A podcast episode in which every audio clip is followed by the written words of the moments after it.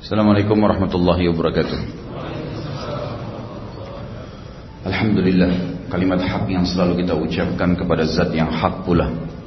Kalimat mulia ini yang menjadi rahasia Semua nikmat yang diberikan kepada kita akan bertambah Dari apa pun yang kita butuhkan dalam kehidupan duka bumi ini. Maka sangat wajar kalau kita selalu memuji Tuhan kita Allah dengan kalimat Alhamdulillah.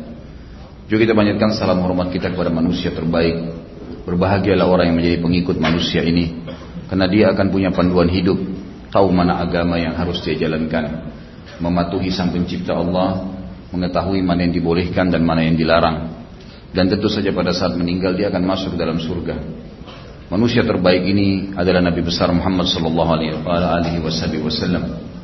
Dan kita harus selalu memberikan salam hormat kepada beliau karena Allah dan Sang Pencipta sebagai Sang Pencipta dan juga malaikat sering atau selalu memberikan salam hormat kepadanya. Seperti biasa teman-teman sekalian melanjutkan bahasan dosa besar dan malam ini kita masuk dosa besar ke-25. Bunuh diri. Dosa besar ini seperti biasa saya akan berikan kronologisnya terlebih dahulu. Allah Subhanahu wa taala sebagai pencipta dia menciptakan juga sekaligus menyayangi. Allah Subhanahu wa taala sangat lembut, sangat baik, sangat penyayang dan banyak hadis yang berhubungan dengan masalah itu. hadis yang sudah masyhur di mana Nabi SAW pernah melewati seorang ibu yang sedang menyusui bayinya di pinggir kota Madinah. Lalu Nabi SAW mengatakan, apakah ada seseorang di antara kalian kepada para sahabatnya yang bisa merampas anak itu dari ibunya? Maka para sahabat mengatakan tentu tidak ada ya Rasulullah. Ibu itu pasti akan marah, dia akan membela anaknya. Kata Nabi SAW, demi zat yang ubun-ubunku dalam genggamannya masih demi Allah, Tuhan kalian Allah lebih sayang kepada kalian daripada ibu itu kepada anaknya. Bagaimana Allah tidak sayang kepada kita teman-teman sekalian? Berapa banyak waktu yang kita luangkan untuknya dan berapa banyak nikmat yang dia berikan kepada kita.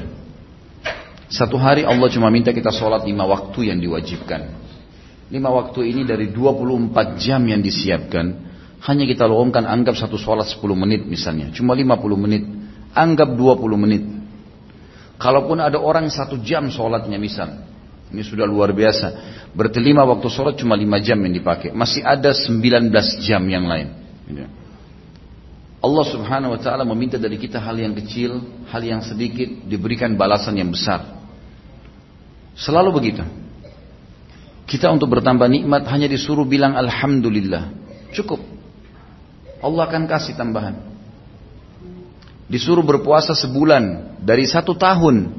Ramadan sebulan, ada 12 bulan setahun. 11 bulannya nggak ada kewajiban puasa. Sunnah iya, tapi kita bicara hal yang wajib. Artinya sunnah masih pilihan, gitu kan. Sedikit kita beramal, balasannya besar. Sedikit waktu yang kita luangkan, Allah Subhanahu wa taala meluangkan waktu yang banyak. Hadis qudsi yang masyhur, tidak ada seorang hamba yang mendekatkan diri kepadaku dengan ya atau se, se, sejengkal kecuali aku mendekat diri kepadanya dengan sehasta. Kalau dia sehasta maka saya sedepa. Kalau dia berla, berjalan saya berlari. Allah Subhanahu wa taala selalu begitu. Seorang hamba berbuat dosa, 50 tahun maksiat, 70 tahun maksiat. Taubat beberapa detik sebelum meninggal diampuni dosanya. Tidak ada yang mengalahkan rahmatnya Allah Subhanahu wa taala. Bahkan Allah sangat gembira dengan taubat hambanya. Dengan taubat hambanya. Allah subhanahu wa ta'ala menciptakan kita teman-teman sekalian sekaligus menyuruh kita untuk merawat diri kita ini. Kita tahu dalam Islam ada mandi wajib, ada mandi junub, ada mandi haid dan nifas. Ya. Ada juga mandi untuk kesegaran. Nabi SAW membolehkan siapa pun yang berendam atau mendinginkan dirinya dengan air dingin di musim panas dan siapa pun yang menghangatkan tubuhnya dengan air panas di musim dingin. Bahkan Nabi SAW melakukannya. Keringat yang keluar dari tubuh kita atau rasa gerah dari sang pencipta Allah. Secara alami mengingatkan kita tubuhmu sedang butuh mandi, bersihin. Dibuat kita gerah, gelisah, nggak mau. Mulut kita bau, disuruh sikat gigi. Allah SWT datangkan penyebab-penyebabnya supaya kita merawat tubuh kita. Lapar supaya kita makan, tubuhmu lagi butuh makanan tuh haus, tubuhmu lagi butuh cairan, capek, tubuhmu lagi butuh istirahat. Disayang betul sama Allah. Tugas kita cuma memilih dan sedikit bergerak. Misal, kita memilih makanan yang pedas, yang asin, yang manis, lalu mengunyah. Selesai itu, selepas itu selesai, nggak ada tugas yang lain. Masuk ke dalam tubuh dikelola secara alami oleh sang pencipta. Itu pun dikasih lagi rasa, kita bisa bedain mana rasa enak, mana rasa nggak enak, mana rasa manis, mana rasa pedas dalam waktu yang seketika. Allah memberikan kita rasa suka dengan bau wangi. Hidung kita diberikan fasilitas bisa membedakan wangi dan busuk dalam waktu yang bersamaan. Sebuah hal yang luar biasa yang menunjukkan memang kekasih sayangnya Allah SWT kepada kita. Kuku panjang disuruh potong, gitu kan. Perintah Allah Subhanahu wa taala untuk merawat diri ini. Perawatan diri ini teman-teman sekalian memiliki pahala di sisi Allah. Memiliki pahala di sisi Allah. Kita tahu dari rambut kita sampai kaki kita semuanya ada pahalanya. Seperti misalnya rambut. Kalau teman-teman merawat rambut dengan pakai sampo, dengan pakai conditioner, mungkin pakai minyak rambut, disisir dengan rapi, pahala. Karena kata Nabi SAW, siapa yang punya rambut lalu dia eh, sebaiknya dia menghormatinya, merawatnya. Ya. Man kana lahu syarfal yukrim. Itu perintah, ada pahala. Kita tahu disuruh rawat wajah, tuh anggota tubuh yang lain seperti wudhu misalnya. Wudhu adalah meletakkan air di tempat-tempat sensitif seperti wajah, telapak tangan, kemudian kepala, kemudian kaki yang memang secara medis terbukti ini memang titik-titik sensitif bagi manusia, akan memberikan kesegaran tubuhnya. Kita tahu ya, ada istinsyak, menghirup air di hidung dan mengeluarkan dengan kuat atau membersihkan kotoran hidung. Kita tahu ada madmadah dalam wudhu, umur kumur dan membersihkannya, bersiwak sebelum wudhu, bersiwak sebelum mandi. Kuping juga dibersihin pada saat wudhu, semua dibersihin, gitu kan? Mata ada perawatan. Nabi SAW menyuruh kita menggunakan ismet, ya atau celak mata yang memang bernama ismit. Ham alif sa mim dal. Ini kata Nabi SAW gunakanlah ismit karena dia menumbuhkan bulu mata dan menguatkan mata. Kemudian kita tahu seluruh tubuh lah, ya. ketiak disuruh cukur bulunya, kemaluan disuruh cukur bulunya. Kalau kita kencing, najis, dihubungkan dengan ibadah, nggak sah sholatnya walaupun cuma setetes. Harus bersihin, gitu kan? Harus bersihin, bersih semua. Buang air besar, sama. Sholat, keluarin angin, angin sebenarnya tapi batal. Perawatan yang luar biasa ini. Ya. Ini maintenance yang luar biasa dan banyak hal kalau kita bahas tentang masalah poin-poin seperti ini. Selain diperintahkan untuk kenyamanan kita, untuk perawatan juga tubuh kita yang sedang dipinjamkan oleh Allah, sekaligus juga ya, ini akan e, memberikan kenyamanan interaksi dengan orang lain. Teman-teman sekalian merusak tubuh dosa. Tadi kalau merawat pahala. Kalau merusak dosa, nggak boleh. Nggak boleh tiba-tiba antum ambil seperti tato. Tato diharamkan dalam agama. Kenapa diharamkan? Karena dia merusak kulit. Merusak kulit, memasukkan sesuatu ke dalam tubuh. Nggak boleh. Diharamkan dalam agama. Nabi SAW bahkan menghardik dengan sangat keras orang yang bertato tidak akan masuk surga tanpa hisap. Gitu kan. Merusak tubuh nggak boleh. Sengaja menjurumuskan diri pada hal yang haram yang bisa membahayakan diri Kata Allah wala tuhliku anfusakum, jangan kalian binasakan diri kalian. Kata ulama tafsir masuk dalamnya orang yang sudah tahu dia bisa tergerincir tetap dia paksain. Hanya tergerincir jatuh, dosa tuh dia. Dia tahu itu berbahaya, nggak boleh. Sesuatu yang dia tahu akan berbahaya bagi dia lalu dia paksakan, ini dosa. Kalau tadi kita malah merawat diri, pahala. Ini kalau kita sengaja jurumuskan diri malah dosa. Nggak boleh sama sekali. Ya, haram. Dokter larang, tidak boleh konsumsi ini karena sakit. Sudah diperingatkan, bukan karena dokter. Dokter diberikan ilmu oleh Allah sang pencipta. Peringatan dari Allah secara alami. Jangan dimakan. Jangan bilang, oh nggak apa-apa. Enggak, memang ini nggak boleh ya sudah. Gitu kan? Kita tahu itu peringatan dari Allah sebenarnya kepada kita. Maka merusak tubuh nggak boleh. Masuk tingkat tertingginya adalah membunuh diri. Tingkat tertingginya membunuh diri. Ini hukumnya haram mutlak, gitu kan? Karena kita tidak punya hak untuk membunuh diri kita sendiri. Seberat apa pun masalah yang sedang kita hadapi. Karena ada hadis-hadis Nabi, orang beriman tahu. Seperti misalnya, kata Nabi SAW dalam hadis Sahih riwayat Imam Ahmad, Allah tidak akan menguji seorang hamba melampaui kapasitasnya. Nggak ada teman-teman ujian yang datang kepada kita itu kita nggak mampu lalui nggak ada. Itu sudah konsep dasar akidah kita. Pasti antum bisa lalui, tidak mungkin tidak. Sudah sabda Nabi SAW, gitu kan? Perintah wahyu Allah yang sampaikan kepada kita. Jadi kita tahu seberat apa pun masalah tidak perlu kita harus bunuh diri. Orang-orang yang bunuh diri orang yang tidak beriman kepada Allah, membuang dirinya, menenggelamkan, minum racun, memutus urat nadinya, semua ini hukumnya haram, tidak boleh. Dan disepakati oleh para ulama bunuh diri adalah dosa besar. Bahkan dia masuk dalam hal-hal yang diindukkan dalam dosa besar. Allah menyebutkan dalilnya tentang tidak boleh membunuh diri dalam surah An-Nisa ayat 29 sampai 31. A'udzu billahi minasyaitonir rajim wa la taqtulu anfusakum innallaha kana bikum rahima. Wa man yaf'al dzalika 'udwanan wa dhulman fasawfa nuslihi nara وكان ذلك على الله يسيرا إن تجتنبوا كبائر ما تنهون عنه نكفر عنكم سيئاتكم وندخلكم مدخلا كريما dan janganlah kalian membunuh diri kalian sesungguhnya Allah adalah maha penyayang terhadap kalian. Dan barang siapa yang berbuat demikian sengaja membunuh dirinya dengan melanggar hak dan aniaya.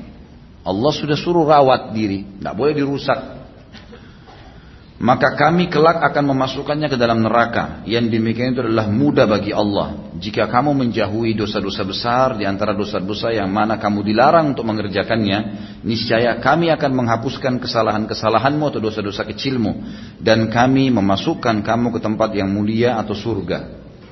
Ayat ini kata ulama, wala taqtulu anfusakum di potongan pertama ayat, jangan kalian bunuh diri kalian, jangan kalian binasakan diri kalian masuk dari perkara yang kecil sampai perkara yang besar. Sekecil apa pun penyebab kita jadi mati, rusak tubuh kita, dosa. Ulama mengatakan tentu larangan-larangan seperti ini berlaku pada hal-hal yang memang belum ada dalil yang yang mengkhususkannya. Ini masih umum ya. Seperti kasus kalau kita lagi masuk di kancah peperangan akan jihad. Lalu kita menerobos pasukan musuh. Akhirnya kan kita jelas akan binasa, kita akan mati. Ini berbeda, ini pengecualian, penghususan. Karena memang kita disuruh untuk mencari mati syahid itu. Tapi ini orang sengaja balap-balapan, ugal-ugalan, tahu nih kalau jatuh bocor kepalanya, mati. Bunuh diri itu. Nggak boleh. Nggak ada alasan syar'i. Tunjukin kehebatan sama teman-teman bisa loncat dari sebuah tempat tinggi gara-gara dipuji-puji lalu buang dirinya. Nasib-nasiban mau patah, mau mati. Ini untuk apa? Untuk apa ini? Dan yang sengaja mendorong-dorong dia itu supaya ayo ayo kamu hebat itu juga termasuk mendapatkan dosa sama karena dia menyebab ya. Ini yang ini dapat dosa bunuh diri, yang ini dapat dosa membunuh orang. Dia penyebabnya. Waktu kita membahas dosa besar kedua masalah membunuh saya pernah jelaskan. Kita bisa membunuh orang, kadang-kadang kita nggak sadar. Seperti suami bisa bunuh istrinya. Ya.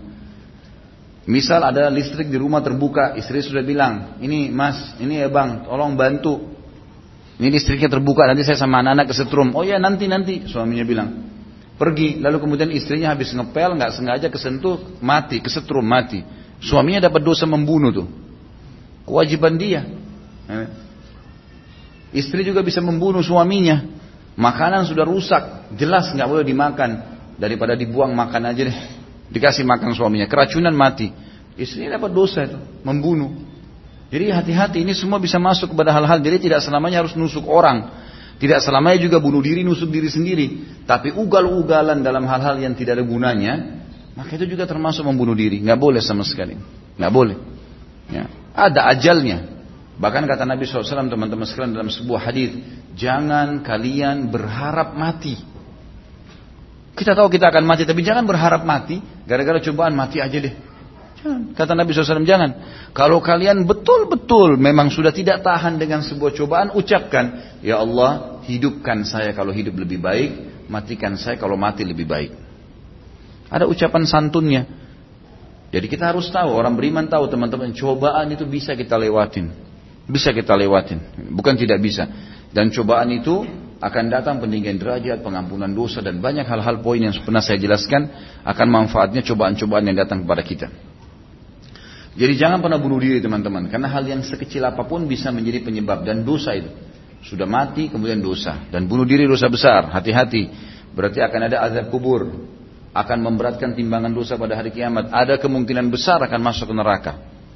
Karena sulit mempertemukan antara dosa bunuh diri dengan amal-amal ibadah yang kita kerjain bisa saja dia jauh lebih berat daripada amal ibadah kita. Maka jangan jangan menganggap remeh, ya, jangan menganggap remeh salah dosa seperti ini.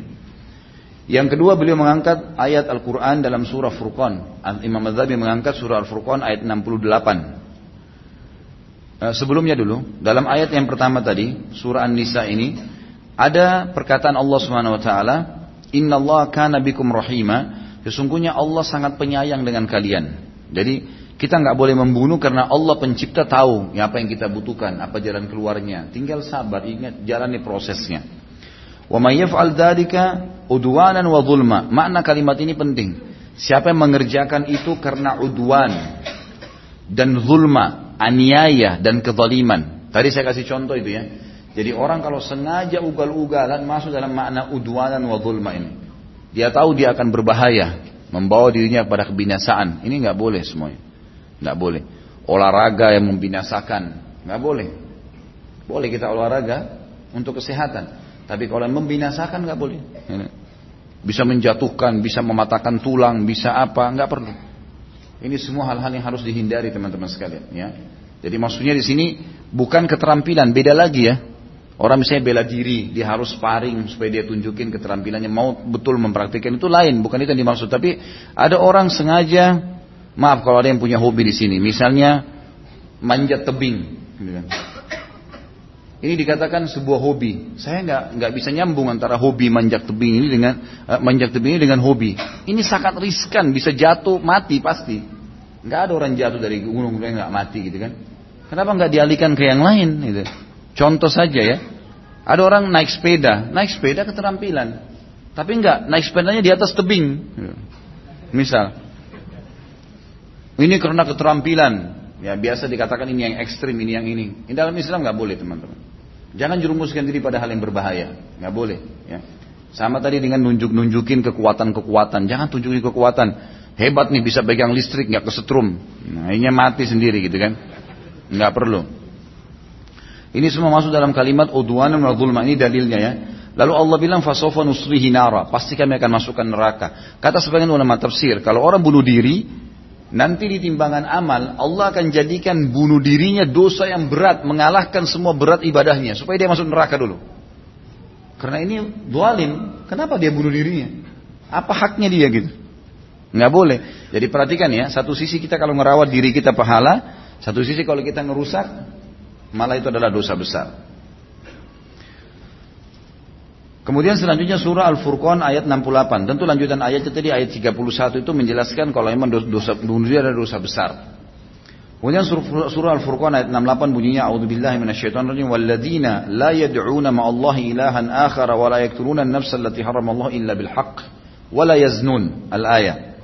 Dan orang-orang yang tidak menyembah ilah atau Tuhan yang lain beserta Allah dan tidak membunuh jiwa yang diharamkan oleh Allah juga kecuali dengan alasan yang benar dan tidak berzina. Alasan yang benar misal bukan bunuh diri ya. Di sini dikatakan membunuh jiwa. Jadi misal ada orang diserang oleh orang lain, kemudian dia membela diri, dia terpaksa membunuh orang itu. Maka itu lain ya. Membunuh orang lain ada alasan syar'i, ada udur, tapi membunuh diri tidak ada alasan, tidak boleh sama sekali. Termasuk pernah saya jelaskan tidak bolehnya menggugurkan janin. Membunuh itu juga nggak boleh. Ini pernah kita jelaskan dosa besar yang kedua, tidak boleh sama sekali. Terlebih lagi kalau sudah ada ruhnya. Sudah ada ruhnya, maka ini berarti juga hukumnya haram. Ya. Jadi yang dimaksud dalam ayat Al-Furqan ini membunuh jiwa kecuali dengan alasan yang benar adalah membunuh orang lain. Tapi kayak tadi membela diri atau orang itu membunuh lalu dipenggal oleh pemerintah setempat itu makanya itu hal-hal yang masih dibolehkan. Tapi dirinya sendiri tidak bisa sama sekali. Kemudian riwayat yang lain dari Jundub bin Abdullah radhiyallahu anhu dari Nabi SAW bahwasanya beliau bersabda kana mimman kana qablakum rajulun bihi jurhun fajazi' fa akhadha sikinan fahazza biha yadah fama فما ركع الدم حتى مات قال الله تعالى بادرني عبدي بنفسه حرمت عليه الجنة Hadis ini riwayat Bukhari Muslim tentunya. Dahulu kaum sebelum kalian kata Nabi SAW kepada para sahabat, terdapat seorang laki-laki yang pernah terluka. Lalu karena ia berkeluh kesah, selalu merasa sakit dengan lukanya, lalu dia mengambil sebilah pisau dan memotong nadi tangannya. Sehingga tidaklah darah berhenti mengalir sampai dia mati. Maka Allah Azza wa berfirman kepada hamba itu, Hambaku ini mendahuluiku dengan membunuh dirinya maka karena perbuatannya aku haramkan baginya surga. Aku haramkan baginya surga. Jadi nggak boleh, nggak ada hak kita. Jadi teman-teman jangan merasa punya hak. Di diri kita kita tidak punya hak, di anak kita tidak punya hak, di pasangan hidup kita tidak punya hak. Mereka cuman uh, orang-orang yang Allah hubungkan dengan kita secara sistem yang dibuat oleh Sang Pencipta. Oh ini suami kamu, ini istri kamu, ini anak kamu, ini orang tua kamu, ini saudara kamu. Kita nggak punya pilihan sebenarnya di situ, termasuk dengan diri kita sendiri. Kita nggak punya pilihan, bahkan kita tidak bisa merawat diri kita. Kalau kita mau rawat diri kita sendiri teman-teman sekalian, biaya satu hari itu berapa? Oksigennya, airnya, ya, kalori yang harus masuk ke dalam tubuh dalam pengelolaan di tubuh kita, pembakarannya, itu tidak bisa dinilai, susah dinilai itu. Kita kalau sesak napas berapa tabung oksigen yang harus kita bayar di rumah sakit? Perawatan tubuh kita sendiri kita nggak bisa penuhi teman-teman sekalian. Dalam sehari, kebutuhan kita sendiri. Allah Azza Jalla memenuhi dan kita dimanja sekali cuma sedikit apa yang harus kita lakukan. Tidak lebih daripada itu. Kita tinggal tahu, berusaha, hasilnya serahkan kepada Allah. Udah. Masih ingat kisah yang orang datang kepada Syekh di Saudi yang dia bilang miskin kan? Masih ingat nggak? Akhirnya Syekh mengatakan kau orang kaya. Dia bilang enggak, saya orang miskin. Kata Syekhnya kau orang kaya. Dia dia dia sendiri mengatakan bagaimana Syekh saya lebih tahu keadaan saya. Kata Syekhnya di tubuhmu semua ini ada miliaran real. Gitu kan? Matamu harganya mahal, telingamu harganya mahal, jari-jarimu mahal, semuanya mahal. Keluar sana, tinggal cari makan dan minum. Kenapa harus rewel gitu? Karena semua sudah disiapin sama Allah SWT. Oksigen saking mudahnya sampai kita tidak tahu nilainya berapa kali kita hirup gitu kan. Dan tidak bayar gratis. Maka luar biasa bagaimana perhatian Allah. Jadi tidak boleh bunuh diri teman-teman sekalian. Ya. Dan ini lucunya ini kadang-kadang kalau orang bunuh diri selalu kasusnya karena hal-hal yang sepele ya. Karena putus cinta, ya. karena putus kerjaan, sesuatu yang tidak perlu gitu, ya, tidak perlu. Maka ini sebaiknya dihindari semuanya. Riwayat yang lain diangkat oleh beliau adalah hadis tentang siksaan orang yang membunuh dirinya riwayat Bukhari Muslim dari Abu Hurairah anhu bahwasanya Rasulullah SAW bersabda man qatala nafsahu bihadidatin fahadidatuhu fi yadihi yatawajja yatawajja biha yatawajja biha fi batnihi fi nari jahannam fi nari jahannam khalidan mukhalladan fiha abada ومن قتل نفسه بسم فسمه في يده يتحساه في نار جهنم خالدا مخلدا فيها أبدا Barang siapa yang membunuh dirinya dengan sebatang besi, maka besi itu dia tusuk dengan besi, pisau apa sajalah besi yang dipakai, maka besi yang di tangannya tersebut akan memasuki ya, yang akan memasukinya ke dalam perutnya di neraka jahanam. Maksudnya akan terus dipakai tusuk dia dia tusuk sendiri dirinya di, di neraka jahanam sebagai siksaan. Di perut yang dia pernah tusuk sebelumnya. Dan dia akan kekal dalam api neraka tersebut selama-lamanya. Dan barang siapa yang membunuh dirinya dengan racun maka racunnya akan ada di tangannya yang terus dia akan teguk racun tersebut sebagai azab siksaan di neraka jahanam dalam keadaan kekal selama-lamanya ya, di dalam neraka itu Sebagian ulama hadis mengatakan ada yang berpendapat ya. Kalau Imam Madhabi mengambil bunuh diri adalah dosa besar. Tapi ada ulama yang berpendapat bunuh diri ini bukan cuma sekedar dosa besar sampai pada tingkat kekufuran. Kenapa tingkat kekufuran? Karena hadis yang mengancam tentang kekal di neraka hanya orang kafir, hanya orang munafik, hanya orang musyrik. Sementara di sini dalam hadis dikatakan siapa yang sengaja bunuh dirinya dengan racun, siapa yang sengaja tusuk dirinya, dia akan kekal di api neraka. Hadis Nabi abadan selamanya. Artinya dia dianggap kufur. Ini ada pendapat ulama berhubungan dengan masalah ini. Paling ringan pendapat Imam Al-Zahabi sebenarnya kalau dia dosa besar dan itu cukup berat dan cukuplah tadi pendapat mengatakan kalau orang bunuh diri Allah Azza wa akan buat dosa bunuh dirinya akan lebih berat daripada semua amal yang pernah dia kerjakan berapa tahun pun dia beribadah. Akan hilang semuanya. Misal ada orang 50 tahun beribadah. Umur 51 langsung bunuh diri.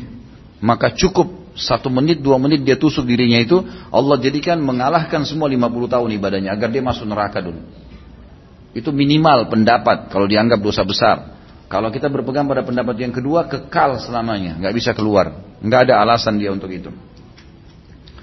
Disebutkan oleh beliau di dalam sebuah hadis yang sahih tentang seorang laki-laki yang merasakan sakit karena terluka. Lalu ia minta agar kematiannya disegerakan. Kemudian dia pun membunuh dirinya dengan ujung pedangnya. Maka Rasulullah SAW mengatakan, Huwa min ahlin nar. Hadis ini riwayat Imam Bukhari. Ini masih ingat ya kisah Kaz Kazman. Masih ingat ya? Hah? Gak ada sautan. Kazman seorang dari Madinah di perang Uhud, ya kan? yang dia, yang dia terkenal menyerang musuh-musuh banyak dalam satu kali serangan dia bisa melukai tujuh orang kafir. Sampai semua sahabat mengatakan orang ini di surga nih. Kata Nabi SAW tidak, di neraka. Sahabat-sahabat ikutin. Ternyata pada saat dia lagi menghadapin satu musuh ada yang tebas pahanya berdarah. Karena sobekannya besar, berdarah, dia kesakitan, dia ke pinggir medan perang, lalu kemudian dia tusuk dirinya sendiri. Dia bunuh diri. Lalu dia mengatakan, saya berperang untuk kaum saya. Maka para sahabat tahu akhirnya kenapa Nabi SAW mengatakan orang ini di neraka. Karena dia bunuh diri. Padahal tadinya dia hebat sekali nih kalau dipandang, kalau dia betul-betul niat ikhlas sebagai orang beriman, luar biasa itu. Melukai orang kafir saja, apalagi sampai membunuhnya di kancah peperangan tidak akan menyatukan kita dengan dia di neraka. Kata Nabi SAW, dua orang mukmin dan orang kafir yang ketemu di kancah peperangan, yang satu sama lain saling membunuh, tidak akan bertemu di neraka. Maksudnya kalau si kafir membunuh si muslim, si muslimnya pasti masuk surga. Kalau si muslim membunuh si kafir, maka kafir akan masuk neraka dan muslim tidak akan pernah masuk neraka selamanya. Hadis tentang jihad, misalnya dalam hadis Bukhari, makbarat kadama abdim sabili fatamassuhun nar. Tidak akan pernah disentuh api neraka, dua telapak kaki yang tersentuh dengan debunya medan perang. Jadi memang banyak sekali fadilah-fadilahnya, ya. Fadilah-fadilah berhubungan dengan masalah ini. Tapi akan hilang semua gara-gara orang bunuh diri. Orang bunuh diri. Ya. Ini kena kepaham, pemahaman yang salah ya. Ini juga banyak kita ketahui teman-teman kita di Jepang. Semoga Allah kasih hidayah begitu. Semua prinsip dasar organisasi bunuh diri. Daripada harus membongkar informasi. Ini semua haram dalam agama. Tidak boleh. Kalau seorang muslim ditawan pun oleh musuh, biarin aja kalau mereka mau siksa. Kita lawan semampunya. Minta pertolongan sama Allah SWT. Allah akan berikan kemenangan. Tapi jangan bunuh diri. Walaupun informasi itu dipaksa untuk diambil. Itu tidak perlu. Ada seorang muslim pernah ditangkap di kancah peperangan di salah satu kisah yang dinukil. Kemudian ini kisah tentu terjadi tahun 90-an di Afghanistan waktu itu masih awal-awal jihad. Kemudian dia, dia, dia rupanya jalan ke sasar ke markas orang-orang Rusia.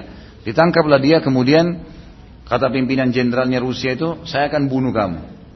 Tapi sebelum kamu mati, ya, sebelum kamu saya bunuh, saya mau tahu dari mana kamu dapat kalian dapat peluru-peluru ini. Ada peluru-peluru rupanya besar sekali gitu kan. Digambarkan peluru itu tidak pernah ada yang negara yang buat. Ini bisa merusak tank-tanknya mereka. Kata dia, si muslim ini tahu ini bukan peluru kita, tidak pernah pelurunya peluru biasa, senapan senjata-senjata biasa. Dia bilang jangankan peluru seperti ini, pasir kalau saya lempar ke tankmu akan terbakar. Kata si muslim, muslim ini menakut-nakuti si kafirin. Dia lalu kemudian si kafir bilang, coba buktiin. Kata si orang Rusia itu. Kata muslim boleh, tapi saya sholat dulu.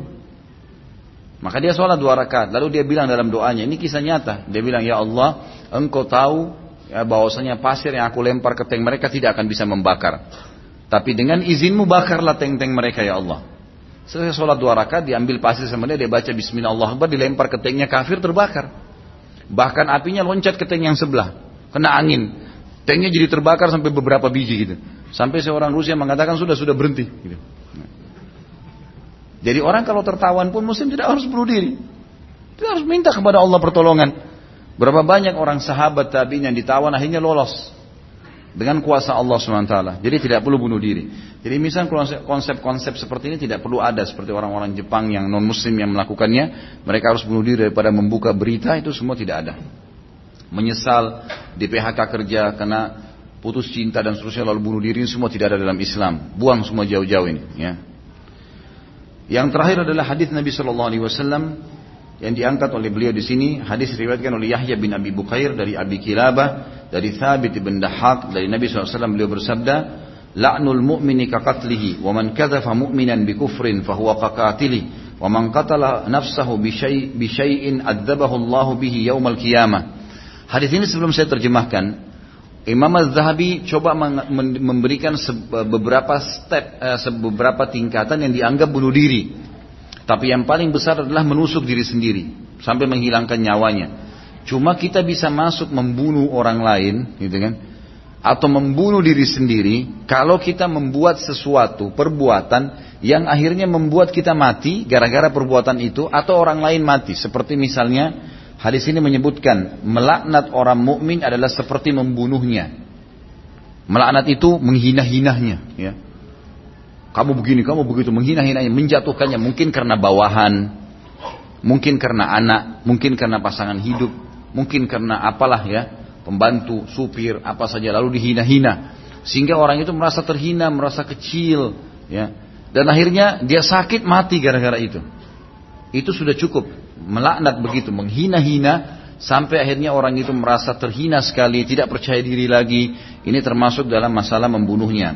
Lalu dikatakan barang siapa yang menuduh seorang mukmin dengan suatu kekafiran, maka dia seperti membunuhnya. Tidak boleh kita men menisbatkan kekufuran pada seorang muslim ya, secara sengaja sementara kita tahu dia belum kafir. Lain kalau dia nyata-nyata mengatakan saya murtad, misal naudzubillah dari Islam. Itu sudah jelas kafiran. Kita boleh mengatakan dia kafir. Tapi predikat kafir nggak boleh dikasih kepada orang muslim. Sama sekali. Kecuali jelas indikasi-indikasi membawa dia pada kekufuran. Baru bisa. Nggak boleh sama sekali. Kata Nabi SAW menuduh kekafiran kepada seorang mukmin adalah sama dengan membunuhnya. Sama dengan membunuhnya. Di dalam hadis yang lain menguatkan poin ini adalah bunyinya siapa yang uh, siapa yang uh, uh, hadis yang lain menyebutkan tentang masalah siapa yang menuduh kekufuran pada saudaranya muslim maka kalimat kufur itu akan kembali kepada salah satunya. Kalau orang yang sedang dituduh itu benar kafir, maka akan kembali kepada dia, ke kalimat kufuran. Kalau yang dituduhkan tidak benar, akan kembali kepada pengucapnya. Jadi kita nggak boleh gunakan kata-kata kafir. Selama dia syahadat muslim. Salah ada kekeliruannya. Kita katakan begitu. Ada kekeliruan. Oh ini salah, ini keliru. Dan adabnya Nabi SAW kalau meluruskan tidak menyebutkan nama. Ya, disebutkan dengan cara-cara yang baik. Kemudian lanjutan hadis dikatakan dan barang siapa yang membunuh dirinya dengan sesuatu, maka dia akan diazab dengan sesuatu itu pada hari kiamat. Kata ulama hadis artinya tambahan dari siksaan yang ada, ya, memang siksaan yang sudah ada dari api neraka, dari cambukan, dari segala, ditambahkan lagi dengan benda yang dia pakai menyiksa, Allah Azza wa Jalla akan ciptakan benda yang serupa, tapi sesuai dengan poster tubuh dia pada hari kiamat. Karena orang yang di neraka nanti tubuhnya besar, gitu kan? Tubuhnya besar. Sampai kata Nabi SAW, sungguh gigi gerahamnya orang kafir di neraka itu seperti gunung Uhud. Gitu kan? Gigi gerahamnya seperti gunung Uhud, bagaimana tubuhnya? Kata Nabi SAW, seseorang demi zat yang tubuh uh, geng, apa, uh, genggam, uh, tubuhku dalam genggamannya ya, uh, atau demi Allah lah, dia Nabi SAW bersumpah, sesungguhnya salah seorang dari umatku akan disiksa di neraka karena dosanya sampai tubuhnya menjadi salah satu sudut neraka. Memang jadi besar sekali tubuhnya pada saat itu. Nah alat-alat yang dipakai untuk menyiksa juga akan sesuai dengan porser tubuhnya. Jadi mana daripada hadis yang tadi menyebutkan dia akan disiksa dengan pisau yang dia pakai bunuh, racun yang dia pakai minum, itu bukan berarti dengan porsi yang di dunia, tapi akan disesuaikan dengan poster tubuh dia di akhirat nanti. Akan seperti itu. Allahu alam. Jadi hadis ini menyimpulkan kepada kita teman-teman sekalian tentang bahayanya seseorang itu bunuh diri. Dan kita harus menghindari apa pun yang berhubungan atau membawa kita sampai pada tingkatan itu. Sekecil apa pun sampai sebesar apa pun. Diri kita dan juga orang lain. Dan ingat selama kita merawat diri maka kita akan panen pahala. Sampai ulama mengatakan sebagai kata penutup dari saya kalau ada seseorang meninggal dunia teman-teman sekalian kemudian dalam kondisi sehat ya kulitnya terawat rambutnya terawat. Walaupun memang ada proses, misalnya keriput, misalnya rambutnya putih, ada proses ke situ. Tapi dia memang merawatnya selama dunia dan dia merawat itu. Antum sekarang kalau mandi niatnya mandi karena Allah suruh rawat, ada pahalanya. Bukan cuma mandi oh karena saya gerah, cuma sekitar menghilangkan gerah. Sayang, niatkan untuk ibadah, maka Allah akan berikan pahala. Terbalik, kalau antum sengaja memukul diri, sengaja mencoret, sengaja apa, itu semua adalah perbuatan-perbuatan yang haram.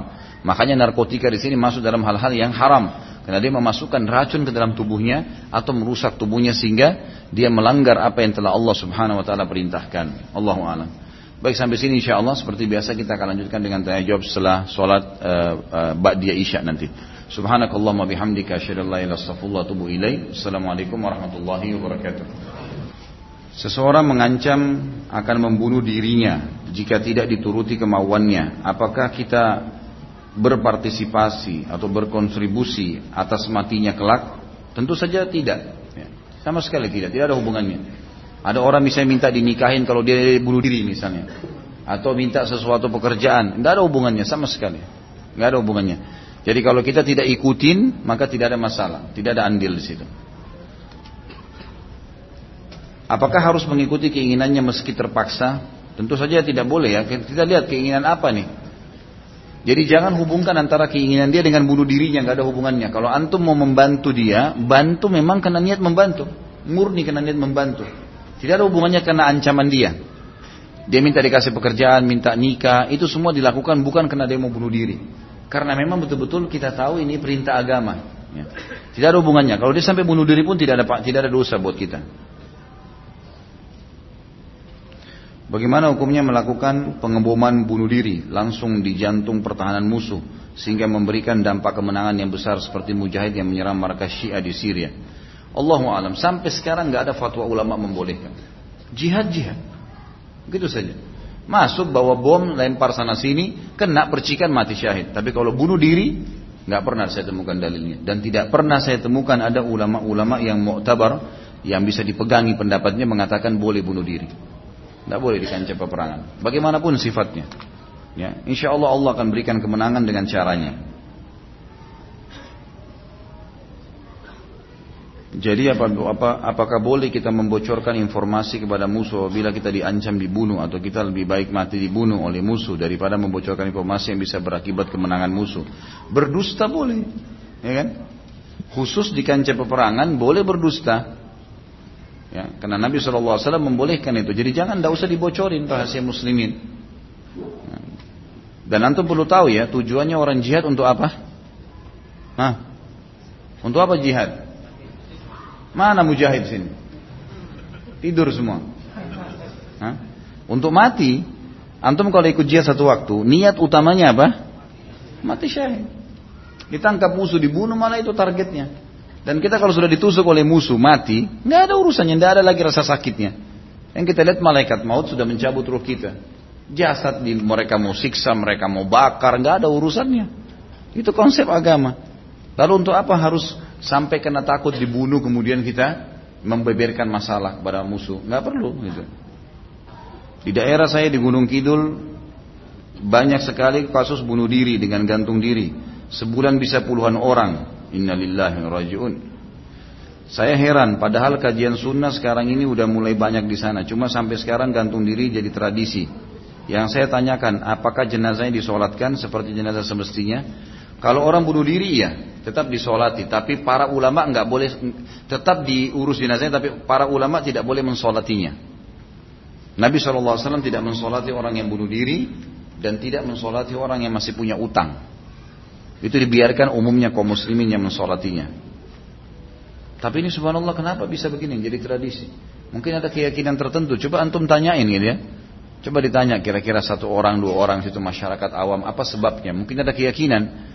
Biasanya kalau orang berani bunuh diri sampai puluhan orang seperti ini pasti ada satu keyakinan ya, ada doktrin. Ya mungkin seperti orang kalau kita mati syahid di medan perang gitu ya. Ini mungkin dari situ kita bisa perbaikin tuh bagaimana keadaannya nanti. Mati merupakan takdir. Apakah bunuh diri e, bukan takdir? Takdir ikhtiar itu. Kan takdir dua macam ya. Ada mutlak, ada ikhtiar. Sudah sering kita jelasin. Ikhtiar itu seperti menikah, ya. Kemudian makan, jenis makanan yang kita pilih, warna pakaian yang kita pakai. Itu kan takdir juga, tapi ikhtiar kita. Sama dengan orang bunuh diri. Dia sendiri yang ikhtiar itu. Ya. Tapi kalau ajal, kalau dia matinya, itu bukan karena bunuh dirinya ya. Dia mati itu karena memang ajalnya datang. Proses. Jadi kalau ada orang tusuk dirinya, kemudian dia berhasil diselamatkan, tetap dapat dosa bunuh diri itu. Walaupun dia masih hidup. Karena dia sudah niat untuk membunuh dirinya, gitu kan. Walaupun dia selamat. Kalau dia sampai mati sudah pasti masuk neraka. Dia masih hidup itu berarti belum datang ajalnya. Jika saya membalimi orang lain hingga orang tersebut berputus asa dan hingga bunuh diri atau sakit sampai mati, apakah kita masuk masuk e, membunuh Tentu tergantung ya, tergantung. Kalau memang menyakiti ini dalam arti kata haknya dia, kayak tadilah melaknat, menghinanya, mengambil barangnya, utang tidak bayar, maka ini semua berarti maka ini semua berarti e, bisa jadi penyebab kita membunuhnya. Seperti dalam hadis yang sudah saya jelaskan. Sudah masuk waktu belum? Bagus juga kalau gini nih. Jadi habis sholat kita bubar gitu. Kalau saya maunya teman-teman gak usah bertanya, ambil ilmu pulang mati masuk surga. Rewel tanya ini tanya itu macam-macam. Bagaimana bertobat dari dosa-dosa besar yang, pernah yang pernah kami lakukan? Tentu saja dengan taubat nasuha sudah sering kita sebutin syaratnya tinggalkan seketika dosa itu lagi zina lagi riba lagi apa saja tinggalkan sesali janji sama Allah tidak ulangi dan yang sisanya adalah menyibukkan diri dengan ibadah.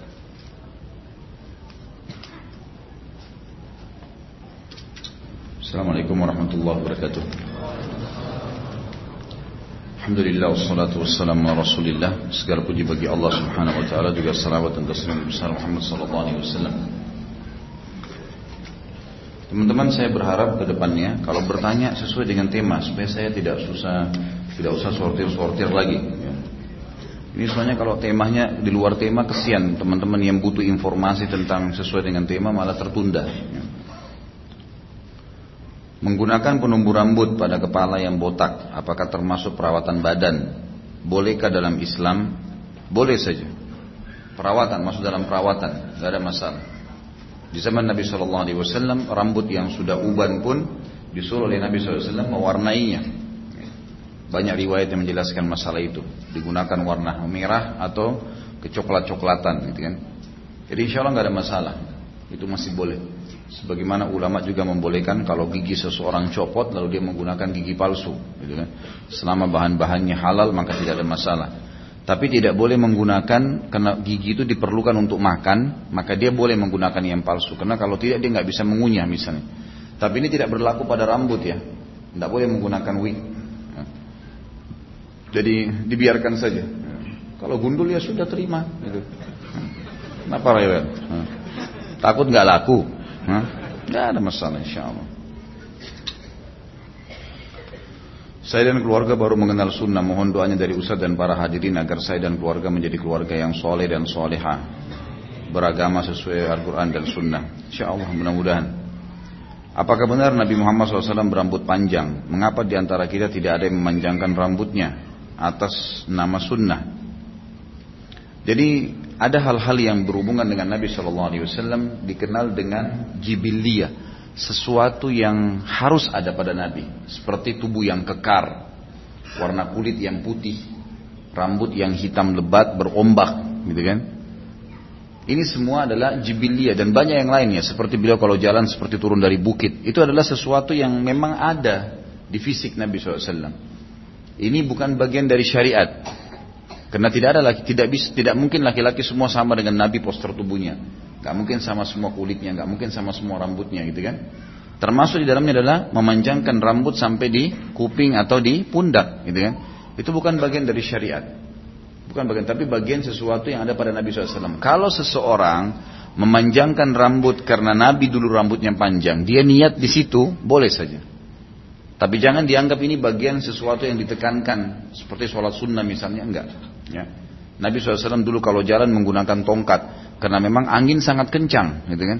Jadi mengharuskan beliau pakai tongkat. Bukan berarti sekarang kita katakan sunnah pakai tongkat, enggak. Ya. Tapi kalau ada orang jalan tertopang dengan angin, gitu, misalnya di padang pasir, lalu dia gunakan alat pedang, tongkat, karena Nabi pernah gunakan boleh, dapat pahala. Gitu. Jadi difahami seperti itu ya. Apakah menyentuh kemaluan dapat membatalkan wudhu? Ini di luar tema tapi karena satu kertas jadi saya jawab ya. E, tentu saja membatalkan wudhu. Ya, menyentuh kemaluan atau kemaluan kemaluan sendiri atau kemaluan orang lain, semuanya adalah batal. Gitu kan? Sengaja atau tidak sengaja. Ya memang hukum syari'inya begitu ya. Jadi memang harus begitu difahami. Jadi e, e, sengaja atau tidak sengaja maka semua pasti akan batal. Ya. Bagaimana dengan tanda hitam di dahi? Apakah termasuk merusak tubuh? Bagaimana dengan aborsi karena kasus pemerkosaan? Jadi kalau tanda hitam di dahi, teman-teman sekalian adalah hadis, eh, adalah ayat Al-Quran surah Al-Fath, ya. Surah Al-Fath. Kalau antum betul-betul alami sujudnya sesuai dengan Nabi SAW perintahkan, kata beliau dalam hadis, umir tuan asjuda li sab'ati. Saya diperintahkan sujud dengan tujuh anggota tubuh, gitu kan? Nomor satu dahi sama hidung, baru dua telapak tangan, dua lutut, dua telapak kaki. Memang dahi tersentuh di tanah dan otomatis hitam. Orang kalau lama, memang niatnya ikhlas kepada Allah, sujud lama maka akan hitam. Otomatis itu. Ya, itu otomatis. Maka ini adalah simbol yang disebutkan dalam surah Al-Fatih ayat e, 29. Ya. Ayat 4 surah nomor 48 ayat 29 ini menjelaskan tentang masalah itu. Masalah kasus ya, masalah kasus orang sengaja maka itu adalah perbuatan yang salah ya. Seperti ada ada toko-toko Syiah memang terbongkar itu di Iran. Mereka sengaja letakkan batu panas supaya hitam dahinya, gitu kan. Dan kemudian ada juga orang yang seperti kaum Khawarij, ya. Sebagian kaum Khawarij yang seperti yang membunuh Ali bin Abi Thalib itu dahinya hitam. Gitu. Kan. Karena di zaman dulu kalau sujud sujudnya di tanah. Mereka nggak punya alas karpet kayak kita sekarang gitu kan. Maka itu ada memang, tapi itu bukan berarti mencoreng kehormatan dan kesucian orang yang punya dahi hitam. Perhatikan surah Al-Fatih berbunyi, A'udzu billahi rajim Muhammadur Rasulullah ayat 29. Walladzina ma'ahu Asyiddu 'alal kufari rahama'u bainahum tarahum ruk'an sujjadan yabtaguna fadlan min Allah wa ridwana simahum fi wujuhihim min athari sujud. Gitu kan? Al-ayah. Muhammad adalah benar-benar utusan Allah dan yang bersamanya para sahabat mereka sangat tegas terhadap orang kafir dan mereka berkasih sayang di antara mereka. Kalian melihat mereka ciri-cirinya Nabi dan para sahabat selalu ruku, sujud mencari karunia Tuhannya. Perhatikan kalimat ruku, sujud, ada sujud ya. Maka kalian melihat di wajah mereka karena sujud tadi tanda-tanda sujud. Apa itu? Dahinya hitam. Otomatis itu. Gitu kan. Dan itu Allah SWT berikan kepada seseorang mukmin. Yang penting dia jaga, dia kontrol, jangan sampai dia menjadi orang-orang yang e, sombong dengan itu misalnya atau riak ya. Kalau aborsi karena kasus pemerkosaan juga tidak boleh. Tidak boleh, kecuali kata ulama pernah saya jelaskan di dosa besar yang kedua ini. Kecuali orang ini memang baru saja diperkosa misalnya, kemudian memang dia langsung diperiksa oleh keluarganya, ditemukan memang masa subur, gitu kan? Memang masa subur, dikhawatirkan hamil, lalu dia minum obat-obat yang bisa menggugurkan, menghilangkan itu. Kehamilan itu nggak masalah. Ya, kalau awal-awal. Tapi kalau sudah hamil nggak boleh. Sudah itu memang diambil, diterima dan anak itu dibesarkan karena itu tidak ada dosanya.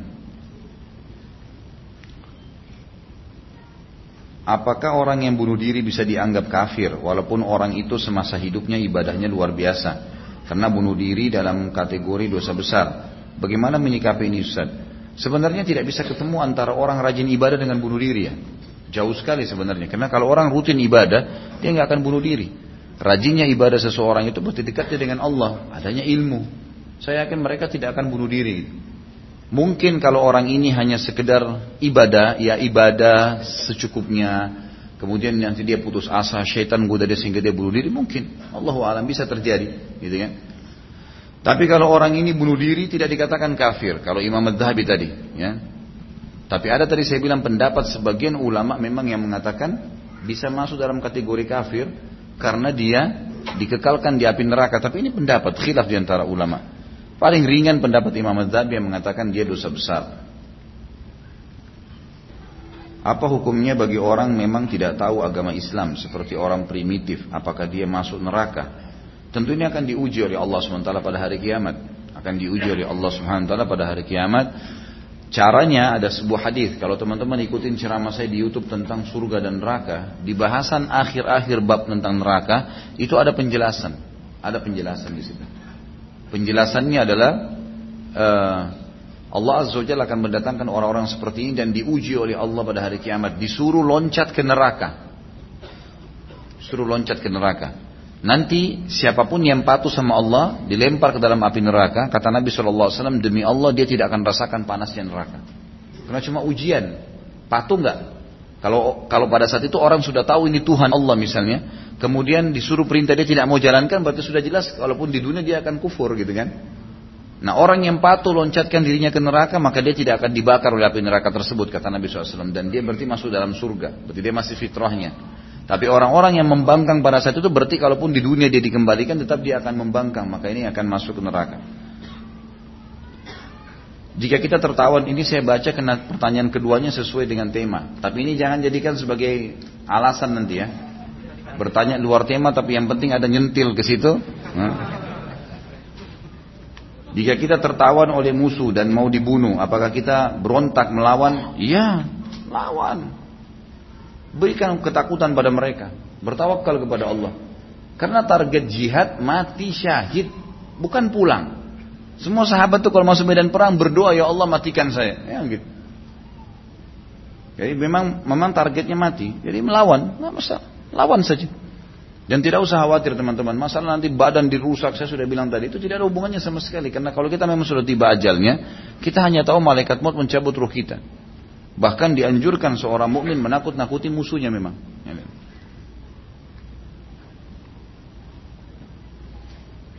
Ini juga sama. Pertanyaan pertama tidak sesuai tema, kedua sesuai dengan tema. Bagaimana jika pembalap liar mati karena balapannya? Apakah mati syahid atau mati bunuh diri Ustaz? Bunuh diri lah. Ini yang bertanya suka balap memang. Hah? Ya jelas lah ya, dia mati bunuh diri. Ya, otomatis itu.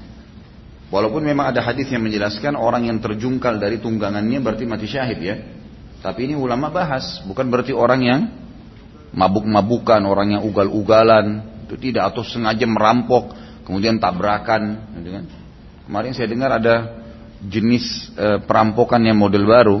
Jadi kalau tengah malam di Sulawesi Selatan saya dengarnya kemarin, pas ibu saya kebetulan mau ke satu daerah, terus diingatkan oleh sepupu-sepupunya sekarang lagi ada masalah nih. Jadi ada beberapa daerah kalau dilewatin di malam hari, dia mereka tuh sengaja melemparkan tubuhnya ke jalanan. Tiba-tiba sehingga orang pasti rem mati mobilnya gitu kan, tiba-tiba direm. Nah, pada saat itulah mereka langsung merampok. Jadi ini resiko bisa diinjak mobil, bisa dilidas gitu. Tapi mereka buat seperti itulah. Karena kalau ditahan biasa nggak mungkin gitu.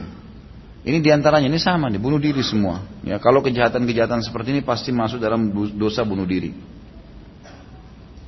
Bagaimana dengan kondisi sakit yang difonis oleh dokter tidak ada harapan lagi dan hidupnya hanya membutuhkan alat-alat e, perpanjang hidupnya, apakah harus dicopot? Tentu saja, kalau dokter sudah mengatakan ini sudah nggak ada harapan, sudah. Kembalikan ke dokter, jangan antum yang ambil keputusan. Kalau dokter mengatakan ini secara medis sudah nggak bisa, ya sudah, silahkan jalani. Jadi nggak usah dipertahankan karena memang ada orang kelihatannya dia hidup padahal sebenarnya dia sudah meninggal dunia itu. Jadi kan bergeraknya tubuh itu bukan karena masih ada ruh, sudah meninggal sebenarnya, tapi karena dipaksa dengan alat. Dan ini teman-teman yang tidak bisa menerima kondisi seperti ini memang mungkin karena kurangnya iman ya. Mati itu sebuah pintu teman-teman. Pasti semua kita masuk ke situ. Tidak bisa. Mau sekarang atau besok. Tetap. Dan itu mati bagi orang beriman sesuatu yang menggembirakan. Karena dia sedang menuju kepada kehidupan abadi. Lepasin, ikhlasin. Tidak ada urusannya. Untuk apa kita pertahankan? Tapi yang tidak boleh kalau memang sengaja. Misal orang ini jahat. Atau orang ini menyusahkan keluarga. Lalu sungguh aja disuruh suntik mati. Nah, itu membunuh. Itu nggak boleh. Itu kan. Tapi ini kalau dicopot alat-alatnya memang karena dianggap dokternya bilang sudah nggak ada harapan percuma ya. Sebenarnya bahasa lainnya sudah mati orang ini, kan gitu. Karena terbukti begitu dicabut sudah nggak ada lagi reaksinya. Ya, memang dia sudah mati orang ini sebenarnya. Allahu alam. Apa yang tertulis di Lauhil Mahfud kepada orang yang bunuh diri? Saya nggak pernah lihat Lauhil Mahfud. Gimana nanya saya ini? Allahu alam. Ini unik-unik pertanyaannya. Aneh-aneh aja. Ini makin dekat Ramadan makin saya nggak tahu apa yang tertulis di situ. Allahu alam. Tapi kalau kita bicara masalah takdir, tentu saja dia sudah ditahu Allah dia akan bunuh diri. Jadi Allah catatkan bagi dia dia akan bunuh diri karena memang Allah tahu ini orang akan bunuh diri nih. Seperti kita sekarang, teman-teman sini semua pilih baju apa nih? Kita pakai baju putih, baju merah, baju hijau. Kita pilih tadi pilihan kita ini Allah sudah tahu kita akan pilih baju itu, kita akan pilih pakaian itu. Gitu. Maka dicatat oleh Allah SWT sebagai takdir kita. Karena ini masuk dalam ikhtiar. Termasuk masalah bunuh diri itu sendiri. Termasuk masalah menikah. Melihat serangan rezim Bashar Assad ke Aleppo yang semakin gencar beberapa hari belakangan. Bukankah sebaiknya kaum muslimin mulai membaca kunut nazilah dalam waktu lima, lima waktu sholat? Bolehkah membaca kunut nazilah dalam bahasa Indonesia? Atau adakah lafaz yang diajarkan oleh Rasulullah SAW? Kalau, kalau saya iya, semestinya sudah baca kunut nazilah sekarang, semestinya. Semua masjid, seluruh muslimin sudah harus mendoakan. Karena Bashar ini sudah makin menggila-gila, gitu kan. Semoga Allah binasakan udah. Ini sudah nggak masuk di akal perbuatannya. Dan Bashar ini memang salah satu sekte Syiah yang paling ekstrim. Ya, paling ekstrim. Ini sudah sampai pada kekufuran. Dia menyatakan bahwasanya Ali adalah Tuhan. Ini luar biasa ini, sudah sangat ngawur gitu. Dan memang dia sudah melampaui batas, sudah membantai terlalu banyak orang. Semestinya, semestinya pemimpin muslim sekarang nggak boleh diam, semestinya. Ya, semoga Allah kasih hidayah lah ya. Pemimpin muslim ini sudah ber, ber, ber, ber, berkoalisi, menyerang, udah nggak boleh tinggal diam. Saya nggak tahu apa alasannya gitu. Ya semoga Allah gerakkan hati mereka ya. Saking kita kita ini tidak punya kekuatan, kalau punya kekuatan ke pemerintahan sudah lama tuh, dihabisin saja, gitu kan. Diserang dan harus yakin dengan Allah swt daripada tiap hari korban jatuh. Memang sudah harus dan kita harus kedakan kunut nazilah. Tapi apakah boleh bahasa Indonesia ini belum ada saya temukan pendapat ulama membolehkan. Kunut nazilah ya, yang dicontohkan oleh Nabi SAW adalah membaca seperti kunut biasa, kunut witir, tapi diikutin dengan banyak memohon kepada Allah penghancuran terhadap orang yang menyiksa atau mengganggu kaum muslimin. Nabi SAW pernah kerjakan selama sebulan itu. Dan terus dalam doa beliau, beliau membaca untuk kehancuran suku-suku Arab itu. Yang sedang membunuh, yang sudah membunuh 70 para penghafal Al-Quran. Bagaimana jika kita kerja di institusi keuangan yang membutuhkan waktu yang lebih banyak untuk menyelesaikan suatu pekerjaan? Saya bekerja sebagai underwriter, sering lembur sampai tengah malam. Tentunya ini merusak kesehatan. Apakah hal ini termasuk dengan hal bunuh diri? Apa saran Ustaz terhadap karir atau kerja yang banyak memakan waktu untuk kerja? Karena tanggung jawabnya juga besar. Kalau menurut saya tidak sama sekali, nggak masukin. Nggak masuk karena ini kan cuma lembur biasa dan saya yakin orang lembur juga kan besok akan ada waktu istirahat, mungkin ada minum minum kopi, apalah ya itu nggak ada masalah. Orang lembur pada pekerjaan insya Allah nggak masalah. Dan ini umumnya tidak ada orang yang mati gara-gara itu, ya. kecuali ajal datang tentunya. Jadi itu bukan menjadi penyebab. Jadi ini tidak masuk dalam bunuh diri. Jadi jangan gara-gara saya bilang penyebab bunuh diri hal yang kecil pun akhirnya ditarik ke masalah semuanya nih. Nanti semuanya rewel nih. Supir juga begitu, kan? Kerja di hotel juga begitu. Apalah semuanya, gitu kan? Ya. Mudah-mudahan cuma ustadz yang tidak gitu. Ya. Nanti ngaku tiap hari ngajar gini nanti saya mati gimana ya? Jadi nggak usah terlalu ke sana sini. Ada riwayat Imam Mahdi berasal dari Syam. Saat ini kondisi Syria sedang perang. Apakah kondisi saat ini tanda nyata kemunculan Imam Mahdi sudah dekat? Apakah Raja Arab Salman udah udur? Nanti tak kala beliau udah turun tahta wafat konon hartanya apa ini? Putra mahkotanya akan bertikai. Tapi kata Imam Mahdi mandila. Apa ini? Imam Mahdi lah nanti akan jadi khalifah. Pertama sekali Imam Mahdi itu keluar dari Madinah teman-teman, bukan di negeri Syam. Hadis Sahih menjelaskan dia dari turunan Nabi SAW dan dari kota Madinah dan dari kota Madinah. Ya. Jadi nggak ada hubungannya sama sekali dengan nanti dia keluar dari negeri Syam, tapi dia akan menuju ke negeri Syam. Menuju ke negeri Syam karena waktu itu Dajjal sudah membuat kerusakan di muka bumi lalu Imam Mahdi keluar nanti kata Nabi SAW dia dari keturunanku fisiknya seperti fisikku gitu kan namanya seperti namaku tapi Akhlaknya bukan seperti akhlakku. Jadi persis Nabi SAW, alisnya, matanya, kulitnya, poster tubuhnya, semua sama dengan Nabi dan keturunan Nabi SAW. Dari Madinah. Dari Madinah. Sampai sekarang memang ada di Madinah, asli keturunan Nabi SAW yang memang mereka turun temurun. Ini hadis menjelaskan masalah itu. Tapi akhlaknya tidak mungkin seperti Nabi, karena tidak ada orang yang seperti Nabi SAW. Gitu kan? Dia akan keluar dari Madinah menuju ke Mekah lalu dibayat dengan 300 orang di Mekah lalu kemudian menuju ke negeri Syam. Tiba di masjid Menara Putih di Syria ya di Damaskus kemudian baru turunlah Imam eh, Nabi Isa alaihissalam yang memegang dua sayap malaikat. Kemudian masuk dan akan sholat. Mereka sudah tahu itu Nabi Isa karena mereka sudah tahu hadis ini. Maka pada saat itu pun ya, pada saat itu pun akhirnya Imam Mahdi, eh, Imam Mahdi disuruh oleh Nabi Isa untuk jadi imam. Dan kata Nabi SAW dialah termasuk salah satu orang yang yang yang Nabi sholat di belakangnya. Gitu kan? Lalu mereka kemudian menuju ke menuju ke eh, apa namanya ke eh, ke Yahudi, Palestina ya sekarang ini Israel lalu membunuh Dajjal. Jadi nah, Imam Mahdi lewat di negeri Syam, bukan asal dari negeri Syam. Itu dulu yang pertama. Ya. Kalau masalah Raja Salman, anaknya nanti bertikai, ini dari mana semua dalilnya? Tidak pernah ada hadis menjelaskan masalah itu.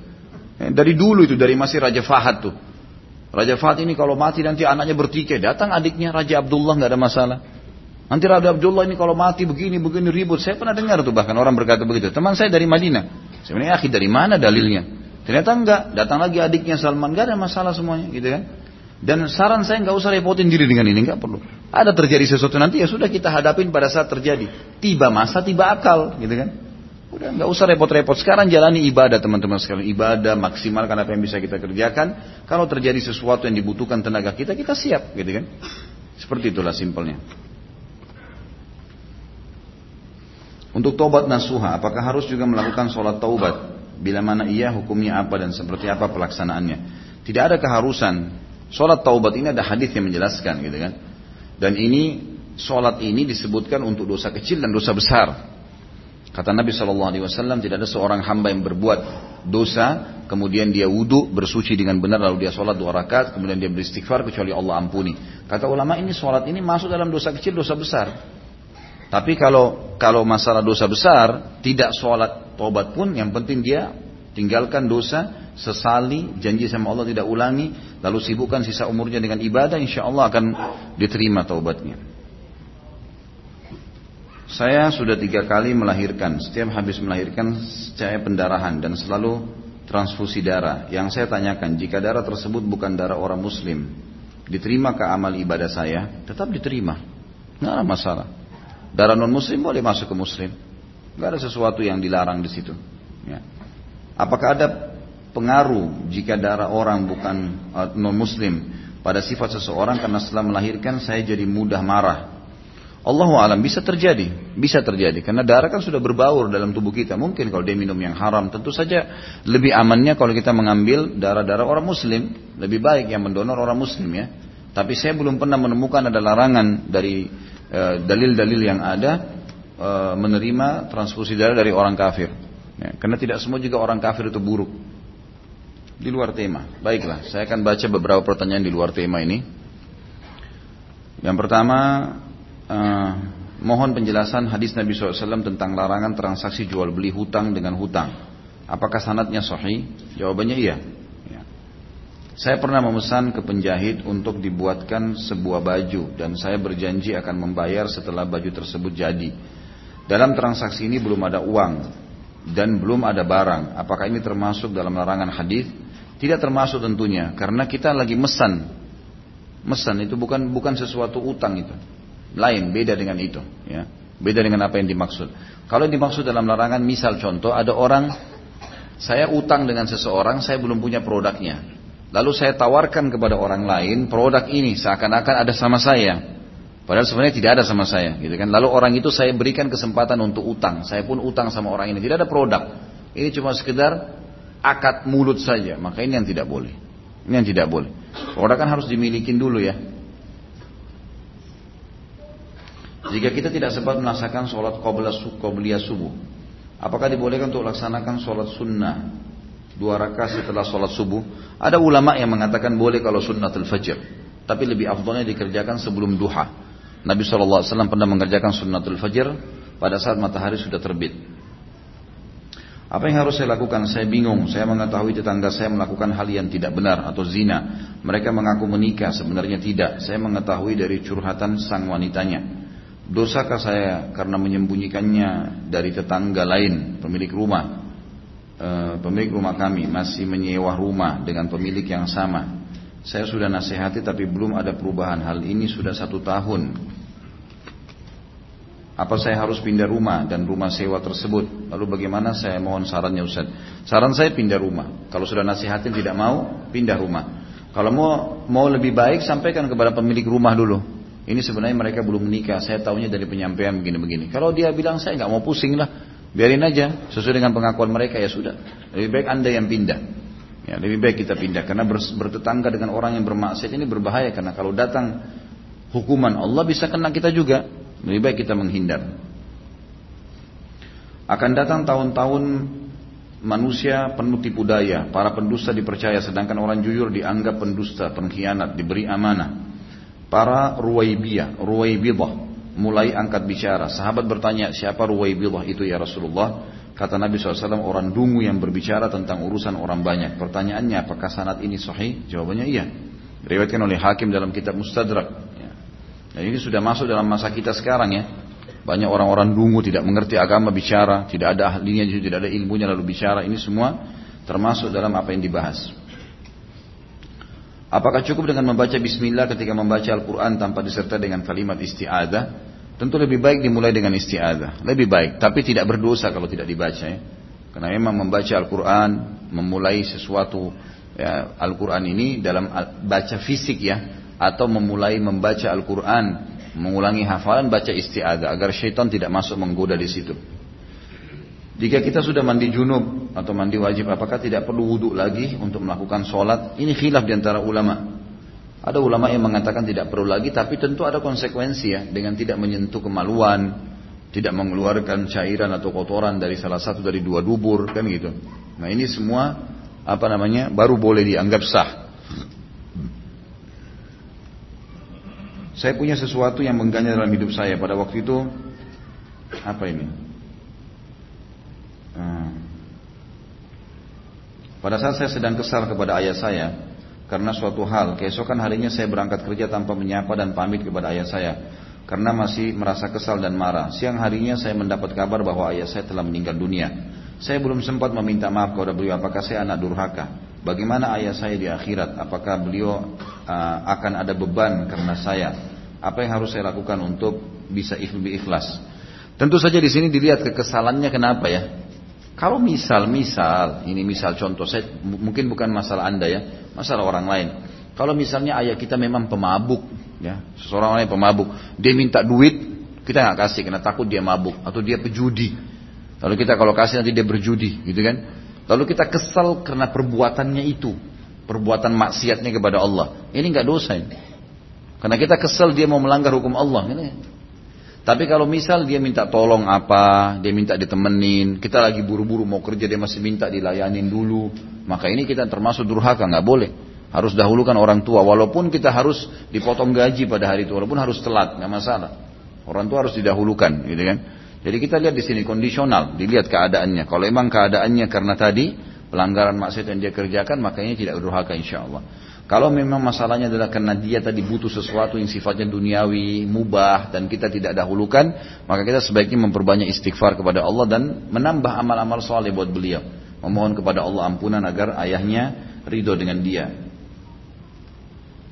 Anak mau tanya hukumnya, anak kerja di hotel, sering tamu kasih uang ke anak, tanpa sebab tamu itu menghampiri anak tiba-tiba kasih uang. Karena apakah anak masuk termasuk berkhianat pada perusahaan? Kalau dikasih langsung nggak ada masalah, halal itu. Kayak semacam dikasih tipsnya, kecuali kalau memang ada akad antum dengan perusahaan, dengan pemilik hotel, ya, dengan pemilik tempat toko, ada akad langsung. Semua yang dikasih dalam bentuk tips harus di store. Nanti kemudian diakumulasi, dibagi rata kepada semua pegawai. Ada akad misalnya begitu. Nah ini tidak boleh kita ambil. Tapi kalau nggak ada akad, apalagi di hotel tuh paling sering kan orang bawain barang, bill boynya, orang yang uh, servis bersihin kamar. Memang sudah umum orang kasih semua. Dan saya yakin orang-orang pemilik hotel pun tahu masalah itu. Kalau memang itu tidak ada terikat akad dengan hotel maka halal. Insya Allah nggak masalah. Asal jangan karena perbuatan haram ya teman-teman. Seperti misal ada orang kerja di hotel lalu disuruh cari pezina misalnya. Lalu dia bawa pezina lalu dikasih tip gara-gara itu. Nah ini nggak boleh. Atau orang pesan pesan hammer misalnya gitu kan. Nah itu nggak boleh. Ini ini perilaku antum salah, tipsnya juga haram, nggak boleh. Bagaimana menentukan sholat dan puasa jika waktu jamnya lebih panjang seperti di wilayah-wilayah mendekati kutub utara Ustaz? Puasa, walaupun walaupun harus 23 jam, apa boleh buat? Dan siapa yang suruh antum tinggal di situ? Hmm? Kenapa nggak cari negara yang enak gitu kan? Apalagi orang Indonesia mau pergi tinggal di sana, dingin, susah, atau apa gitu. Jadi pertanyaannya unik, saya jawab juga dengan unik ya. Apa hukumnya memakai kawat gigi untuk perawatan merapikan gigi? Apakah haram? Tidak haram insya Allah. Halal, boleh. Merapikan, boleh saja. Insya Allah giginya boleh dirapikan dalam sana.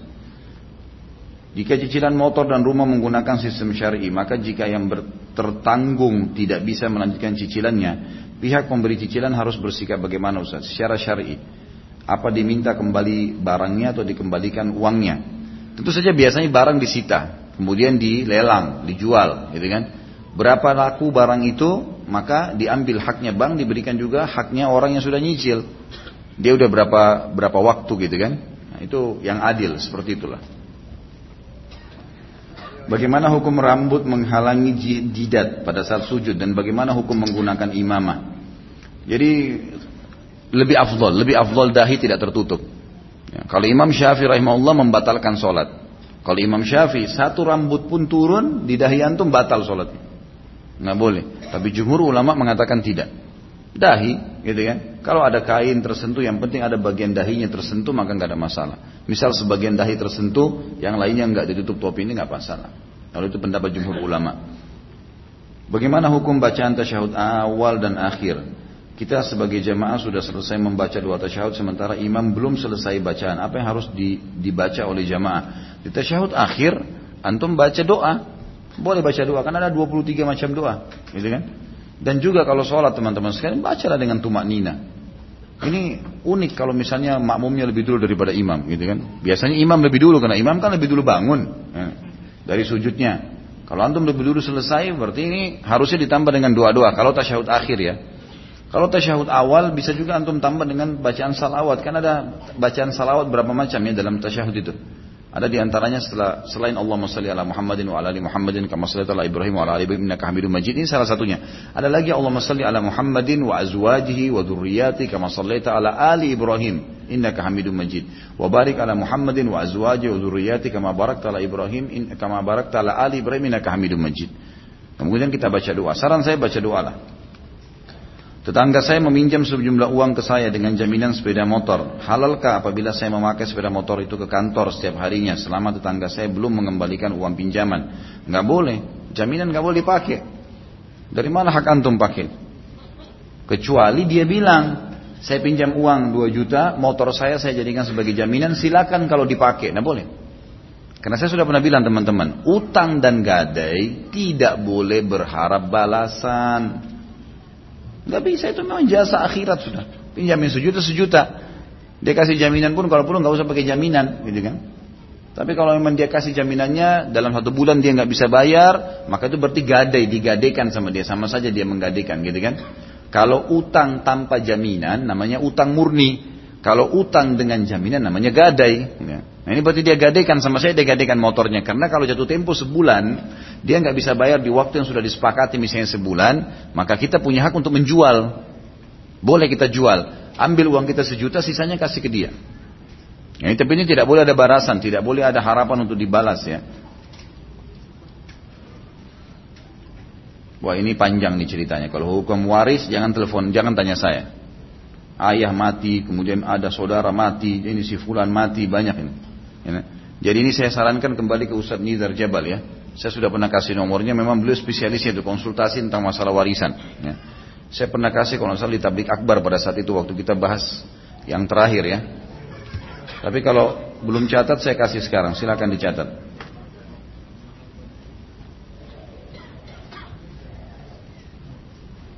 Eh, silakan dicatat ya e, nomornya Ustadz Nizar 087 Sudah belum? 087 883 883 65 1173 087 883 65 1173 Ini kalau tidak salah beliau punya kelas pelatihan untuk warisan. Saya sarankan ikhwan dan akhwat ikut itu, bagus sekali. Beliau adakan pelatihan. Kalau saya tidak salah, itu nanti dalam berapa tiga jam, empat jam sudah bisa tahu bagaimana membagi warisan. Karena ini memang butuh hitung-hitungan tersendiri ya. Allahu a'lam. Baik kita berdoa kepada Allah SWT semoga apa yang kita bahas pada hari ini bermanfaat buat kita semua. Jadikan sebagai tambahan amal kita pada hari kiamat. Semoga semua dosa yang pernah kita lakukan dimaafkan oleh Sang Pencipta Allah dan digantikan menjadi pahala. Semua yang belum dapat hidayah dimudahkan dapat hidayah, yang sudah dapat hidayah dimudahkan untuk mengamalkan. Kita selalu mendoakan saudara kita di Palestina, di Syria, di Yaman, di Irak, di Myanmar dan juga di Ahsa yang sedang tertindas semoga Allah SWT berikan mereka kemenangan diikhlaskan niatnya diterima para syuhada mereka dan juga Allah melihatkan Islam di tangan mereka dan tangan kita semua dan semoga Allah SWT partisipasikan kita bersama mereka di pahala baik dengan doa dan harta juga dengan jiwa kita. Dan semoga Allah dengan kemahamurahnya menyatukan kita semua di surga firdausnya tanpa hisab. Subhanakallahumma bihamdika asyhadu an la ilaha illallah astaghfirullah wa atubu wassalamualaikum warahmatullahi wabarakatuh